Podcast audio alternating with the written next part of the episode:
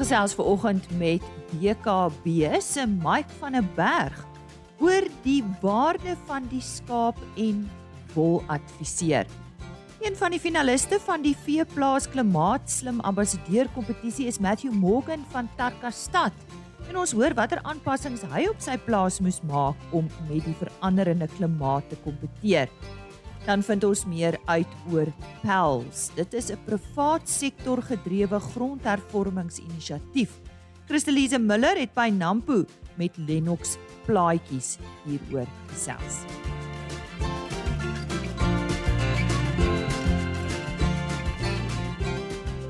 Dis op vanoggend se RSG Landbou van Mylise Roberts. Goeiemôre. Ja, verlede maand is die finaliste in die Veeplaas Klimaatambassadeur kompetisie aangewys. Een van hulle is Matthew Morgan en Karen Venter het by hom gaan inloer. Goeiemôre julle almal. Vandag kuier ek hier in die hartjie van die Winterberge by 'n vierde generasie Morgan. Dit is Matthew Morgan en sy vrou Delise. Hulle boer hier op die plaas Redcliffe.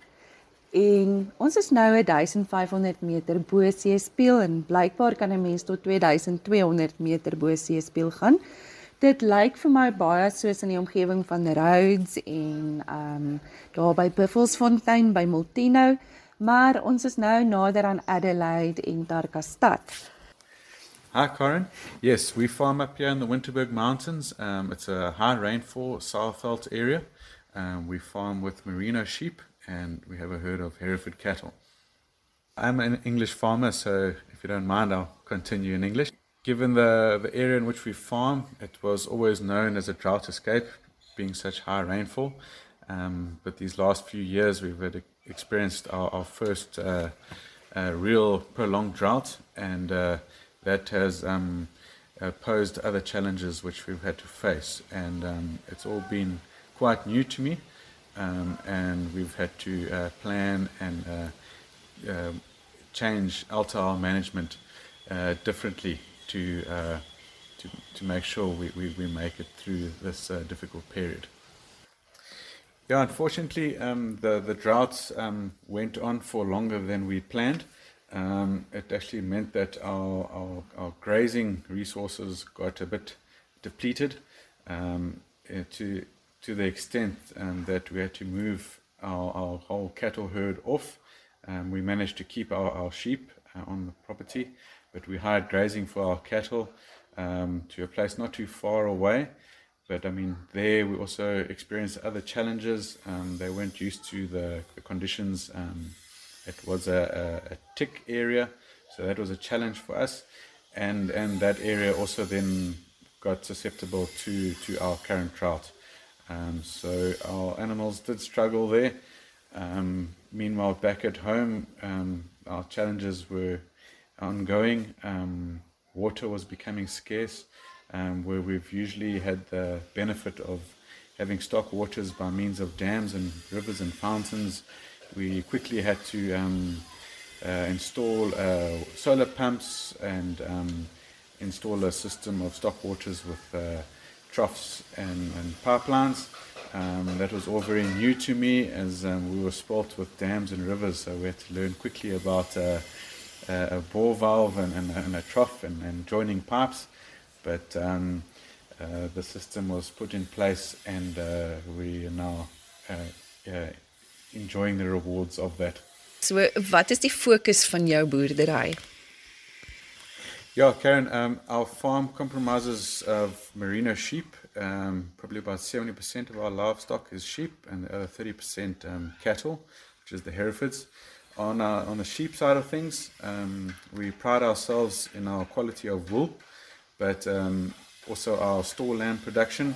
We moved over from uh, farming uh, extensive hummels um, and we moved across to the store land production, and that has helped a lot uh, with our cash flow. Um, and we've managed to increase our, our U numbers in doing so. Um, and there's not such a heavy reliance on, on the, the wool side of the income. Um, and then on the cattle side of things, our cattle operation is quite simple. Um, we run a simple um, cow calf operation where we keep all the the, the, the heifer, the female uh, calves as replacements, and then the the, the, the bull calves we, we sell those off. Um, so that's our farming in a nutshell. Um, we've got um, a nice uh, block of irrigated lands, pastures that we use for our lambing. And the lands also help a lot um, during times of drought as, as, as a fodder bank um, where we can um, offload animals from the camps and run them in the lands. And they can uh, carry good amounts of food during those periods. Wat is die grootste les wat jy uit hierdie droogte geleer het? Yeah, this drought has um, given us many challenges uh, previously we weren't aware of. Um, I think uh, foremost, um, one needs to be really um, adaptable and uh, allow yourself to change to, to the, the given circumstances. Um, climate is, is, is not how it used to be, or I see it that way, and um, to be able to adapt to, to the different seasons, to more or less rain. Um, I think with the outlook of farming, maybe a little bit more conservatively, and, and seeing this this, this uh, last few years of drought out, um, and hopefully we have the next few years of, of very good seasons. Um, but I think uh, just because we've had a good summer um, it doesn't mean that we're totally out the woods. Um, one needs to not forget the past. Um, and uh, yeah, it, it's shown us also, you know, how far your farm can go if you do push it to the limits and um, how much grass you actually do have. So there have been a lot of few positive outcomes uh, of being in a drought, but um, it definitely you come out wiser and, and hopefully stronger and just uh, be more wary of uh, your, your future challenges. And um, yeah, if anyone would like to contact me, uh, my name is Matthew Morgan. Um, my cell phone number is 071 717 4173. Thank you. Dis dan Karen Venter wat daar op die plaas gaan kuier het van Matthew Morgan. Hy's daar in die Tarka stad omgewing, klink maar lekker koud daar in die Oos-Kaap en hy's een van die finaliste van die Veeplaas Klimaatambassadeur kompetisie. As jy nou hier by ons aangesluit het, baie welkom. Jy's ingeskakel vir RSG Landbou. Dis net hier op RSG vanaf 5:00 tot 6:30 van my kant af, Maandag tot Donderdag. Ons het verlede maand ook met Mike van der Berg gesels. Hy's van BKB en hy is hulle streekbestuurder van die oostelike streek vir wol en bokhaar. Ons fokus vandag op die skaap en wol adviseer en wat se waarde hulle toevoeg tot die wolprodusent en meer spesifiek sy inkomste of haar inkomste. Mike, môre, wat is die verantwoordelikheid van die BKB skaap en wol adviseurs? Dis 'n goeie môre en goeiemôre luisteraars. Ja, dis nogal altyd 'n interessante uh, vraag wat jy vra. En die hoofdoel natuurlik van ons skaap en woladviseurs is om waarde toe te voeg tot ons wolprodusente se produk. So hulle is regtig daar om ekstra geld te maak. En net as 'n voorbeeld te gebruik, ehm um, die BKB adviseurs was vanaf 2016 reeds betrokke met die implementering van die RWS of dan die naspeurbaarheid van ons wol. En hierdie RWS dan vir die BKB wolprodusent ongelooflike 212 miljoen rand bygevoeg tot sy inkomste. Dit wys jou maar net waarvoor ons eintlik daar is, is om meer geld te maak vir vir ons produsent. Ja, dis belangrik. So op watter manier of maniere kan die BKB skaap en wol adviseer waarde toevoeg tot die wolprodusent se inkomste? Hier's ja, daar's 'n paar maniere om waarde toe te voeg tot ons BKB uh, eh, produsent se skaapboerdery en ook om meer geld in sy sak te genereer vir hierdie skaapvertakking van hom dan nou. Maar kom ons kyk net kortliks na 'n paar hoofpunte. Ek dink veral die BKB skaap en wol adviseer verskaf dan die woladvies aan ons produsente en hierdie woladvies is baie belangrik vir die seleksie van veral goed soos ramme en oeye waarmee die uh, produsent dan nou boer. En dan net as 'n voorbeeld, die merino tipe wol word gegradeer in 'n MF tipe 1 tot 'n 7 waarvan die 4 dan beter in randwaarde is as byvoorbeeld 5 Om net so vinnige sommetjie te maak, ehm um, hierdie spesialis kennis van ons BKB skaap en wol adviseur kan dan beteken dat 'n skaapkudde van 'n 5 tipe wol na 4 tipe verbeter deur net korrekte seleksie aan eh, te doen. En dit beteken 'n verbetering van plus minus R35 'n kilogram van skoon wol. En dan nog iets wat ons adviseurs doen, hulle is baie betrokke by ons toet en kudde klassering en uh ja, hierdie mense het dan ook 'n spesialis opleiding ontvang om aandag te skenk aan alle aspekte van fenotipe en genotipe van skape. Hulle gee dus aandag aan die bouvorm van die diere, reproduksie, wolkwaliteit en nog baie meer effekte wat waarmee hulle te doen het.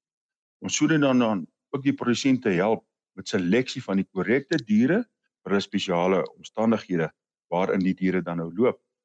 DKB se adviseurs is ook baie baie nou betrokke by verskillende skaaprasse se ram en ooi veilinge en spesialiseer hulle dan ook op hierdie gebied met betrekking tot die rasstandaarde van die dier en van die verskillende rasse.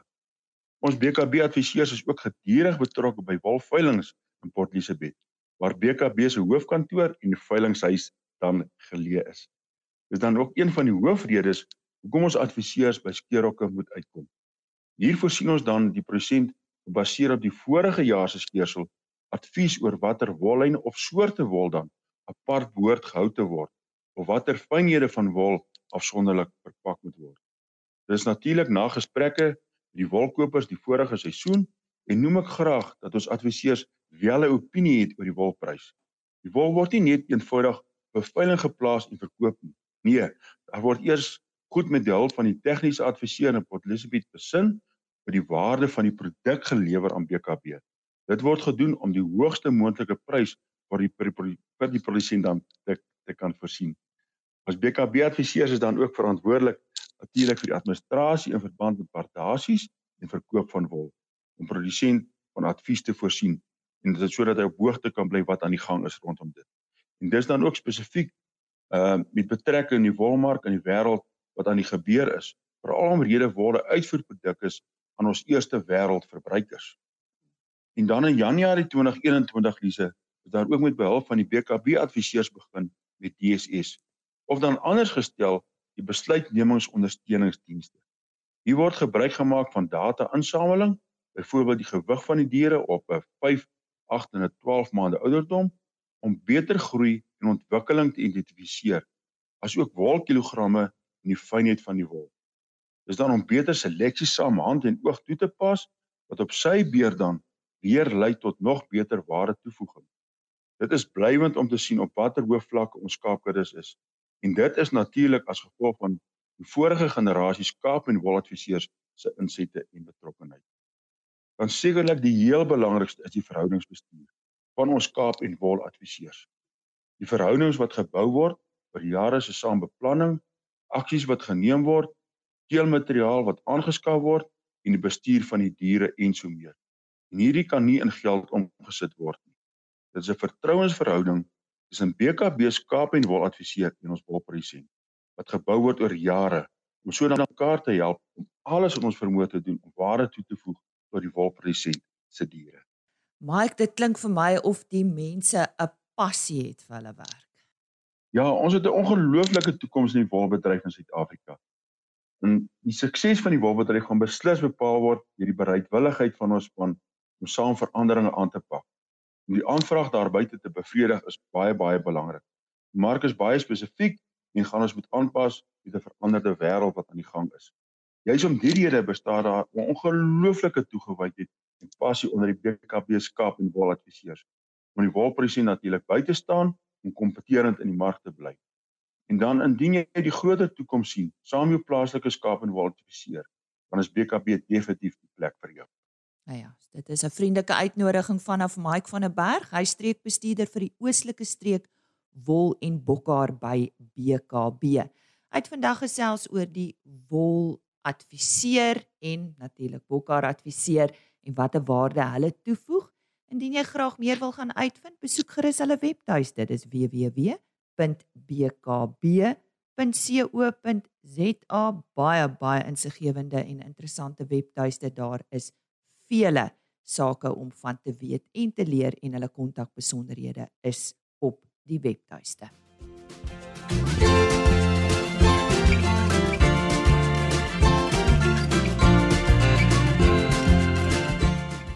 privaat sektor gedrewe grondhervormingsinisiatief wat ten doel het om geleenthede te skep vir inklusiewe groei in landelike gebiede gaan nou van krag tot krag in verskeie provinsies. Die organisasie PALS, P A L S, smee ook gemeenskaps- en kommersiële projekte saam en speel 'n sentrale fasiliterende rol om suksesvolle vennootskappe tussen belanghebbendes wat die plaaslike regering insluit te vind. Christelise Miller het met Lennox Plaatjies, direksielid van Pels, tydens haar besoek aan Nampo gesels. Ons praat nou met Lennox Plaatjies, 'n direkteur van Bambasani Farming en ook 'n direksielid van Pels. Lennox, verduidelik vir ons wat is Pels? PALS is 'n afkorting vir Partners in Agri-Land Solutions. Dit is 'n privaat sektor gedrewe grondhervormingsinisiatief wat in Julie 2014 deur die kommersiële boere wit en swart in die Witzenberg Ceres area op die been gebring is. En die hoofdoel van hierdie inisiatief was om geleenthede te skep om swart boere suksesvol te vestig op grond, om daardeur die gemeenskap bymekaar te bring in 'n oplossing tot grond, geleenthede te skep vir inklusiewe groei en daardeur ook te kyk hoe jy dan 'n uh, gemeenskap skep in harmonie met homself. Ja. Dit het egter nou uitgebrei. Wat is die rol wat julle speel in jy weet die opbou van die verval in plattelandse gebiede, dorpe in die platteland? Die pelslede is hoofsaaklik was hoofsaaklik jou kommersiële wit en swart boere, waar die fokus natuurlik aanvanklik was op 'n kommersiële groei, maar ons het ook besef dat hoe groter die groei is, daar mense wat agterweë gelaat word en dit het belangrik geword om ook fokus op gemeenskapsgebaseerde projekte, onder andere waar ons saamwerk met gemeenskappe om te kyk hoe ons uh, met die vaardigheid en die ekspertise wat wat bestaan in kommersiële landbou, hoe kan ons daarmee abet sê dit nou is grond, 'n munisipale grond waar ons varkboere nou tans help om hulle varkboerdery operasie meer, jy weet, sinvol op 'n professionele, kommersiële uh, manier te dryf wat vir hulle meer volhoubare uh, inkomste kan bring. Ons kyk ook na opleiding van gemeenskapsgebaseerde leiers sodat hulle in projekte waarin hulle betrokke raak ook leierskap kan uitoefen ten bate van hulle self, hulle families en hulle gemeenskap. Ons werk ook met uh, bewustheid van landbou as loopbaan van keuse vir al swart en bruin kinders wat hoofsaaklik uh, nie die agtergrond het van landbou nie, maar wat landbou anders beleef. So die idee is om by hulle die idee te kweek dat landbou ook 'n uh, beroep van keuse kan wees. Dan dan help ons ook met die munisipaliteit om te werk aan oplossings vind vir probleme waarmee die munisipaliteit te kamp sit. Het sê dit is met uh, loslopende vee wat hulle nie onder beheer kan kry nie. Ons bring die ouens wat die vee besit bymekaar. Dis hoofsaaklik jou swart en bruin boere of in gemeenskappe. En wat ons doen, ons probeer hulle formaliseer in besigheidsentiteite en ons koppel hulle aan 'n kommersiële vennoot sodat hulle dan saam sinvol kan besigheid maak op boerdery grond en daardeur doen ons 'n paar goed. Ons skep ekonomiese geleenthede, ons skep werk deur dit, ons vestig besighede en ons los die munisipale probleme op. Van van loslopende diere en jy weet 'n gebrek aan harmonie tussen die boere en die townships en dan jou munisipaliteit. So dit is in 'n neete dopie wat Pels doen en dan as 'n gesamentlike bymekaar kom punt is Pels dan ook 'n soort van die fasiliteerder van onderhandelinge met die regering op provinsiale en nasionale vlak om te kyk hoe hulle met hulle pligte kan kyk waar hulle sekere goed in plek kan sit jy weet wat ekonomiese groei, het sy dit paaie, het sy dit uh, elektrisiteit, het sy dit watervoorsiening, het sy dit waterlisensie of selfs onderverdeling van bestaande grond sodat ons nuwe besighede daarop kan vestig om daai funksies van die regering spoediger uit te lewer ja. Hoeveel projekte het julle tans aan die gang? Die pelskantore dan meer so rapsie meer as 50 projekte wat tans geregistreer is wat almal aan die gang is en op verskillende vlakke opereer. Jy het byvoorbeeld 'n individuele uh, suksesvolle swart boere gevestig, maar jy gaan hoor van name soos Johnny Carolus wat 'n suksesvolle vrugte en groente boerdery um, in die Bokkeveld in die Ceres. Jy het ouens soos Joseph en Daba wat saam met hom boer, uh, 'n uh, jong direkteur. So daar's verskillende suksesvolle projekte. Jy het gemeenskapsouens wat nou saam boer in 'n uh, ook vrugte en 'n bietjie gemengde boerdery as die Tembelicha projek wat nuwe hoop beteken. Dit is ouens uit die gemeenskap uit wat saamgegroepeer is saam met 'n kommersiële vennoot. So dit spreek maar net as 'n voorbeeld van 'n paar van die suksesvolle projekte wat Pels reeds op die been gebring het. En jy brei uit na ander provinsies toe. Dis die, opwindendste gedeelte op die stadium is dat Pels wat begin het in die Weskaap in 'n area in die Witzenberg series wat nou al uitgebrei het na ons is nou al in Mpumalanga wat onlangs geloods is Vrystaat wat onlangs geloods is. Ons is in gesprekke met Noordwes, ons praat met ons in die Ooskaap wat reeds aan die gang is en dan kyk ons na geleenthede waar man ons nooi kom 'n bietjie na Limpopo toe, kom 'n bietjie noordwes toe om vir ons te kom wys wat julle doen. Ons wil leer van julle. Ons wil graag inkoop in die inisiatief, ja. So die Pels inisiatief groei en hy is nou al in 5 en 5 6 provinsies al ja. Jy het nou net verwys dat Pels is op die wenpad en jy weet vooruitstrewend. Wat is tipies van die kwessies waar gemeenskappe julle nader? Ons weet eh, uit ons ervaring het 'n spel as jy die gemeenskap van waar Pels aanvanklik begin het sit jy met 'n gemeenskap wat graag goed wil doen maar wat nie toegang tot grond het nie. So nou het hulle ook nie maniere om hoe kan hulle grond bekom en spels help dit byvoorbeeld as jy nou 'n bietjie grond wil bekom as dit het sê dit staatsgrond ons het, ons ons ons tree op as fasiliteerder om te kyk hoe ons die staat kan kry waar mense aansoek doen waar daar bestaande grond is wat behoort aan kommersiële vennote kyk ons om kan ons dalk toegang daardeur kry in 'n samewerkings uh jy weet 'n uh, rangskikking om te kyk kan ons dalk iets op die been bring? Het sê dit wat ons in Engels noem joint venture of saam besigheid doen? So die idee is waar mense wil goeders doen het sê dit grond of is dit 'n bietjie kundigheid dan kyk ons hoe ons kan help fasiliteer. Die vark projek byvoorbeeld waarna ek vroeër verwys het in Doelie dis op munisipale grond. Dit is gemeenskapsouens wat 'n paar vark in haglike omstandighede boer daar.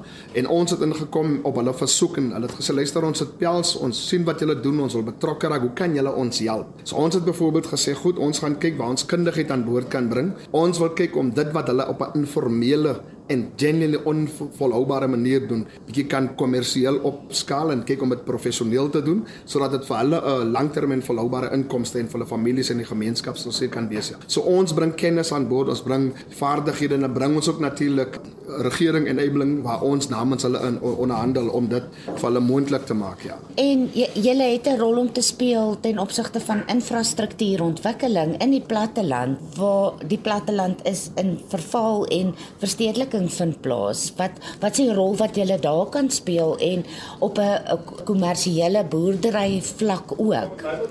Pels is 'n gesamentlike inisiatief. Met ander woorde, ons het verskillende klomp groepering van kommersiële boere, klein, medium en groot bymekaar en die idee spels tree op as die gesamentlike spreekbuis van hierdie verskillende kommersiële boere. Dit gee vir ons dan die platform om namens die klomp boere met jou plaaslike regering sou dit 'n plaaslike regeringskwessie van infrastruktuur is om met hulle te sit en te sê luister, ons het hierdie grootskaalse ontwikkelingsgeleenthede wat op pad is. Maar as 'n munisipaliteit maak die paaie reg, kry die krag in orde. Ons maak daai submissies namens kommersiële landbou en waar ons ook private uh, investeringsgeleenthede kan skep om dit te realiseer. Tree ons ook op, weet as agent en onderhandelaar om te kyk ons dit in samewerking met die regering kan help geskied. Ja, so ons as 'n fasiliteerder, ons koördineer die verskillende pogings en baie belangrik ook wat ek vroeër net uitgelaat het om te sê is, daar's 'n groot klem ook in opleiding en ontwikkeling van opkomende boere en ook in ons gemeenskap waar's mense aan die hand vat, ja. En dan die pad vorentoe. Wat moet gedoen word om te investeer in ons plattelandse dorpe? Ek dink almal het konsensus dat um, op dorpsvlak moet jy 'n funksionerende munisipaliteit hê wat jy moet hê is die gesamentlike inkoop van jou kommersiële landbou om te sê goed ons is bereid om 'n bydrae te maak wat jy weet reeds het in die Witzenburg area waar Pels ontstaan het. Belangriker is dit ook dat jy die inkoop van jou plaaslike gemeenskappe het. Dit om te sê luister, waar daar geleenthede is, wil ons dit help groei, wil ons dit help realiseer en dan natuurlik wil gemeenskappe ook inknoop in in in inhak by daardie geleenthede. So ek dink hoe ek dit vorentoe sien is dat elke area, dit is ons wens dat in elke area 'n Pel sentrum moet wees waar jy mense wat hierdie tipe inisiatiewe, gemeenskapsprojekte, kommersiële projekte bymekaar bring en daarvan dan 'n sentrale fasiliteeringsrol speel, koördinering en ondersteuningsrol en dit is wat Pels verstaan ja. En dis op alle vlakke. Op alle vlakke ja, beslis. Dit was aan Lennox Plaatjies. Hy is 'n di direksielid van Partners in Agri Land Solutions of Pels. En dis dan vir oggend se RSG landbou môreoggend ons eerste bydraes vanaf die Nasionale Wolkwekersvereniging se nasionale kongres wat op 1 en 2 Junie plaasgevind het. Karen Venter het hierdie geleentheid bygewoon en môreoggend hoor ons onder andere van die hoofspreker professor Johan Kirsten. RSG Landbou is op die RSG webtuiste as potgooi beskikbaar, die volledige program. Dit is net rsg.co.za. Jy kan ook www.agriorbit.com raadpleeg. Daar word die onderhoude afsonderlik gelaai. Ek herhaal agriorbit.com en vir ons e-posadres is rsglandbou@plaasmedia.co.za. Geniet die res van jou dag. Tot môre. Totsiens. RSG Landbou is 'n plaas media produksie met regisseur en aanbieder Lize Roberts en tegniese ondersteuning deur Jolande Rooi.